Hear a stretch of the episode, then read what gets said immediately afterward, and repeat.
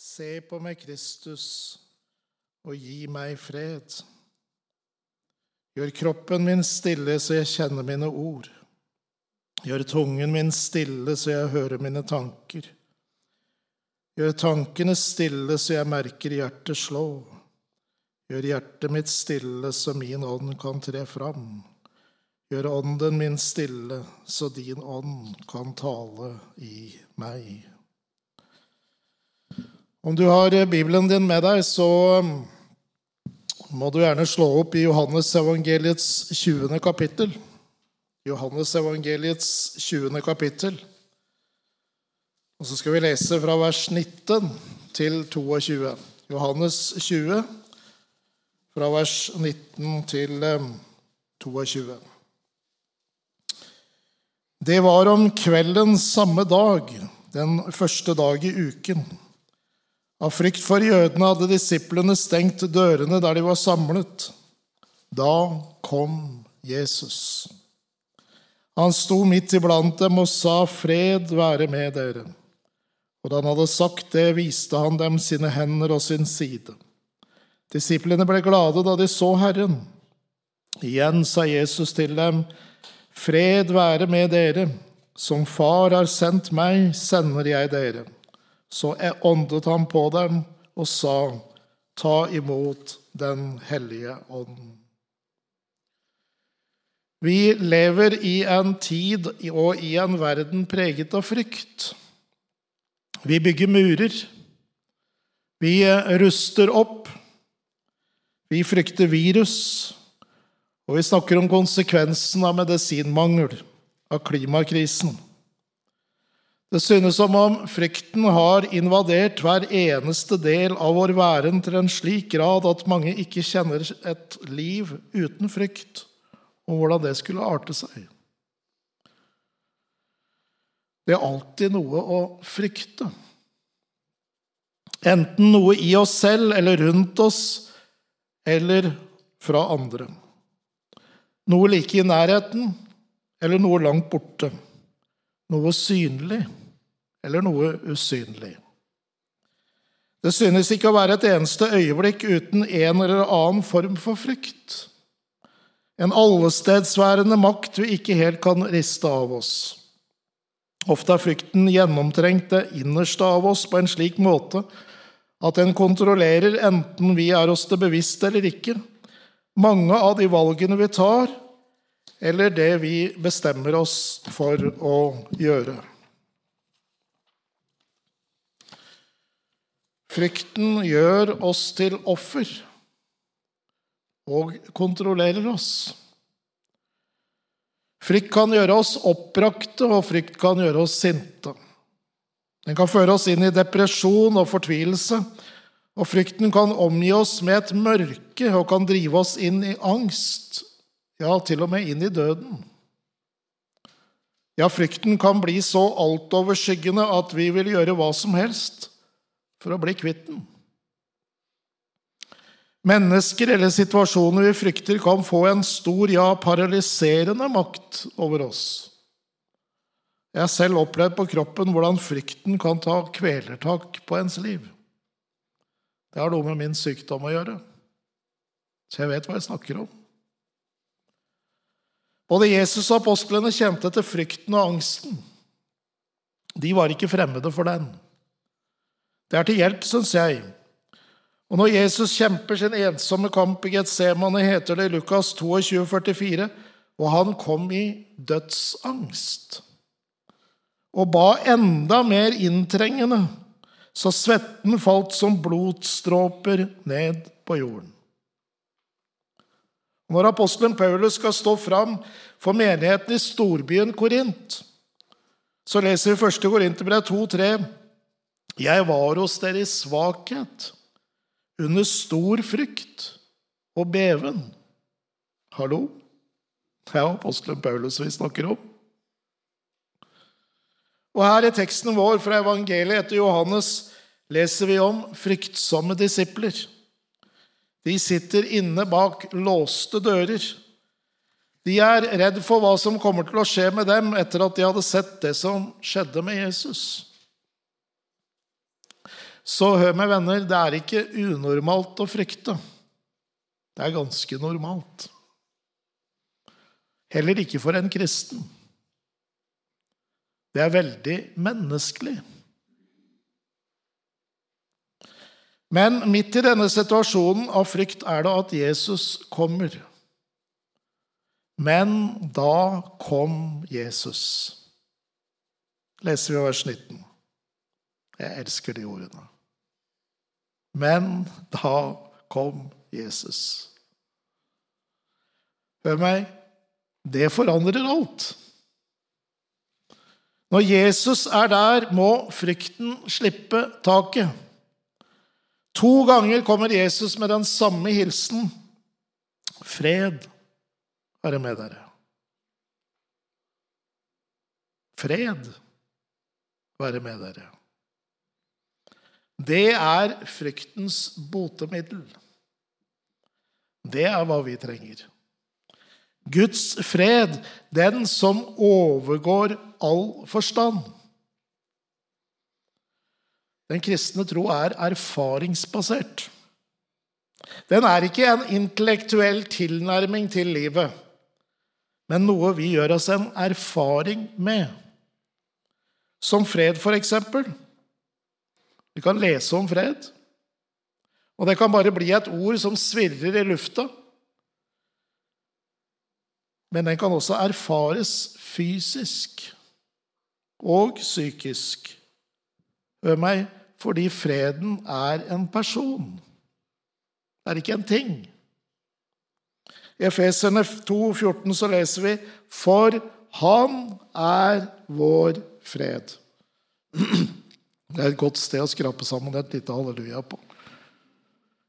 Hør meg. Han er vår fred.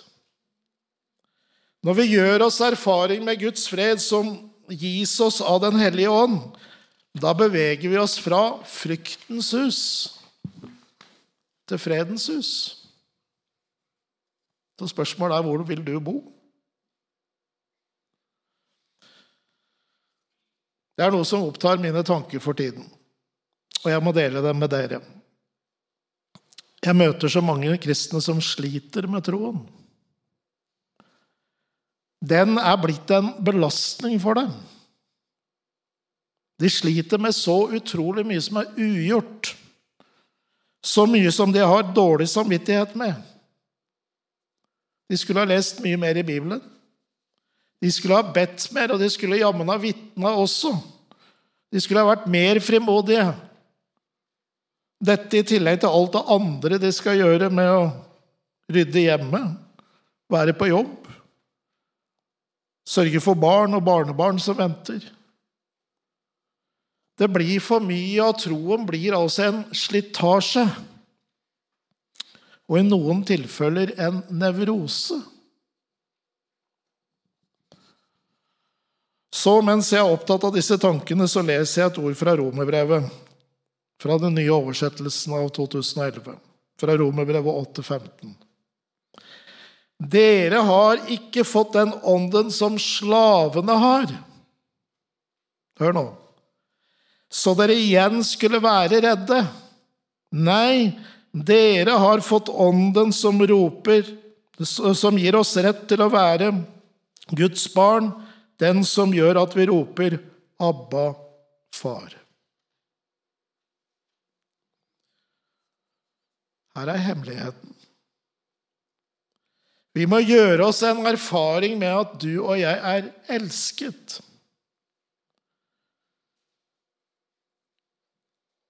for den vi er. Ikke for den vi en gang skal bli en gang eller annen gang i en framtid der langt der ute, men den som er nå. Så langt jeg er kommet, med begrensningene jeg har, med skrøpeligheten jeg har, med frykten jeg bærer på, med syndene mine. Jeg er elsket. Hvordan skal dette kunne skje? Det skjer ved at vi slipper Guds kjærlighet løs på livene våre. At vi lar oss elske. Det tar tid, og det er en øvelse. Jeg må slippe Jesus til med hans kjærlighet innover de områdene av livet mitt som jeg ikke liker noe særlig godt. Men når vi gjør oss denne djupe erfaringen med Guds kjærlighet, forstår vi ikke bare med hodet, men med kroppen vår og sjelen vår at vi ikke lenger er slaver, men virkelig Guds barn som er elsket.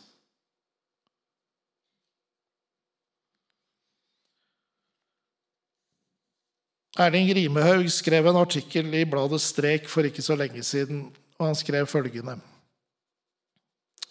Det mennesket først og fremst kan si om seg selv, er ikke 'jeg arme, syndige menneske', men 'jeg er elsket av Gud'. Denne setningen traff det negative menneskesynet jeg trodde var kristent, med full kraft. Jeg forsto at det viktigste som kan sies om meg, er ikke at jeg er en synder som må frelses fra min elendighet, men at jeg er villet av Gud. Det var en lettelse, sier Erling Rimhaug. Jeg behøvde ikke å se ned på meg selv, jeg behøvde ikke legge, legge meg under den mindreverdighetsfølelsen jeg opplevde. Gud tenker større om meg enn jeg selv gjør. Det var det andre stedet i talen min. Det er godt å skrape sammen et lite halleluja. Hæ? Jo, men det er jo fantastisk. Bli med meg til eh, første Johannes brev. Til han som er kjærlighetens apostel. Som på sine gamle dager skriver dette brevet. Kapittel 4 og vers 18. 1. Johannes 4, 18. I kjærligheten finnes det ikke frykt. Den fullkomne kjærligheten driver frykten ut. For frykten bærer straffen i seg, og den som frykter, er ikke blitt fullendt i kjærlighet.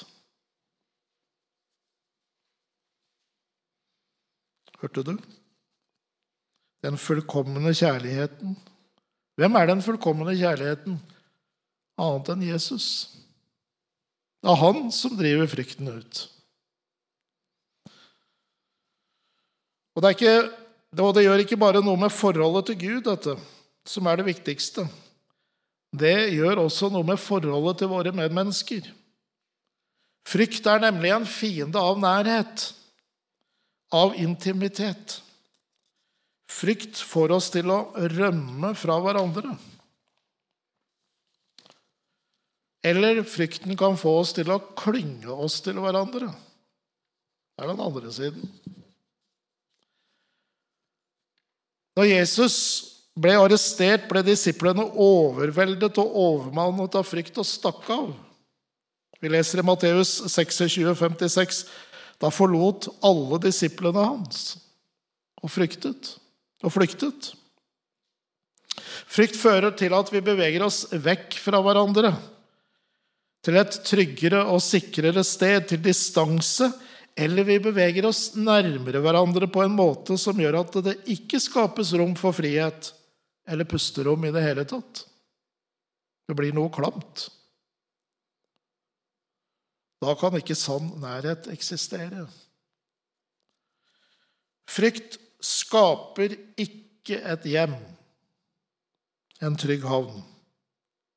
Den tvinger oss til å leve alene eller et beskyttet skall og hindrer oss fra å bygge et hjem av tillit, hvile og fred. Frykt for mennesker gjør noe med oss. Jeg husker hvor jeg som liten gutt var livredd for å gå på skolen om vinteren. For jeg visste at litt lenger nede i gata fra der jeg bodde, så var det en gutt som var utrolig flink til å lage snøballer. Og han laga veldig harde snøballer. Og han sto og venta på meg. Hver eneste skapte vinterdag så sto han og venta på meg. Det var ikke noe morsom opplevelse.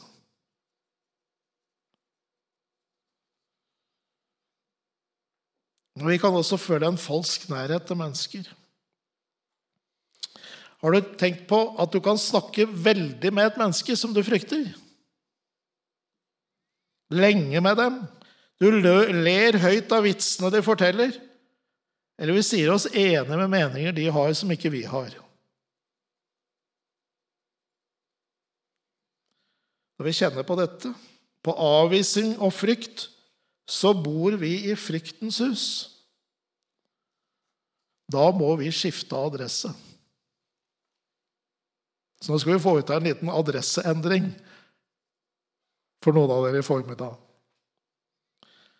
Da må du flytte til Fredsgaten nummer 91, oppgang 9. Merk deg det. Fredsgaten nummer 91, oppgang 9. Der står det altså i Salme 91, vers 9. For du, Herre, er min tilflukt. Den høyeste har jeg gjort til min bolig. Så hvis du skal treffe meg, så fins jeg i Fredsgaten 91, oppgang 9.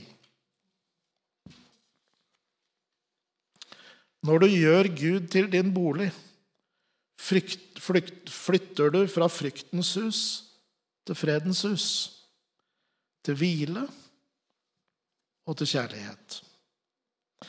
Moses forsto dette, for i Salme 90, som han skrev, bekjenner han i det første verset, Herre, du har vært en bolig for oss fra slekt til slekt. Og så legger han til i det neste verset, før fjellene ble født, og du skapte jorden og jorderiket, ja, fra evighet til evighet er du. Og det er det samme vitnesbyrdet Moses gir i 5. Mosebok 33, vers 27. En bolig er den eldgamle Gud, og her nede er evige armer. Så la oss gripe de armene. Eller rettere sagt, la han gripe deg, og flytt over til hans bolig. La meg gi deg en personlig oppmuntring helt til slutt. Et av mine favorittvers i Bibelen. For Faderen selv elsker dere fordi dere elsket meg.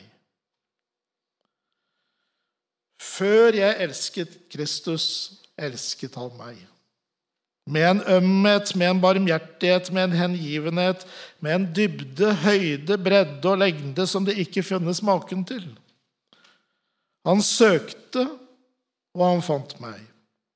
Dro meg opp av fordervelsens grav og satte mine føtter på en klippe.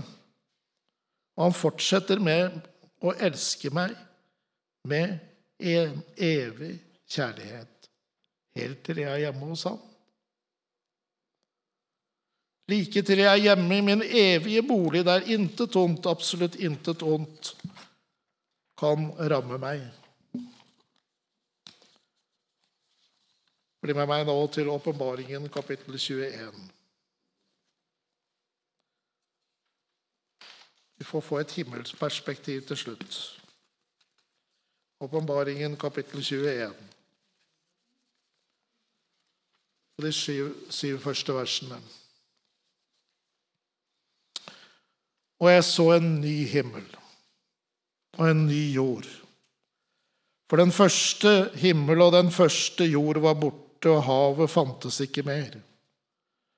Og jeg så den hellige byen, den nye Jerusalem, stige ned fra himmelen fra Gud, gjort i stand og pyntet som en brud for sin brudgom. Og jeg hørte fra tronen en høy røst som sa, Se, Guds bolig er blant menneskene. Han skal bo hos dem, og de skal være hans folk, og Gud selv skal være hos dem. Han skal være deres Gud. Han skal tørke bort hver tåre fra deres øyne, og døden skal ikke være mer, heller ikke sorg eller skrik eller smerte. For det som en gang var, er borte. Han som sitter på tronen, sa, Se, jeg gjør alle ting nye. Og han la til, Skriv det ned, for dette er troverdige og sanne ord. Så sa han til meg, Det er skjedd. Jeg er alfa og omega, begynnelsen og enden. Jeg vil gi den tørste å drikke av kilden med livets vann som gave. Den som seirer, skal få dette i arv, og jeg vil være hans Gud, og han skal være min sønn. Jeg skrev denne bønnen her om dagen. Måtte huset mitt være åpent, gjestfritt, med plass til alle som streifer omkring langs livets landevei. For høy og lav, for mørk og lys, for syke og friske. Måtte det være et sted for latter og glede og gi plass for sørgende. For den gode, lange samtalen, for dovenhet og slumring, for den gode omfavnelsen. Måtte det være et sted for troende og tvilende og spørrende. Måtte huset mitt aldri være trangt, begrensende. Måtte det være takhøyde, pusterom. Måtte det alltid ha plass til én til rundt spisebordet. Nok mat på bordet til den lyttende samtalen. Til bekreftelser og oppmuntringer og medfølelse. Måtte det, alt, måtte det være trangt om plassen for sladder og baktalelse. Men alltid plass for fremsnakking. Måtte huset mitt bli slik, Herre alltid. Amen.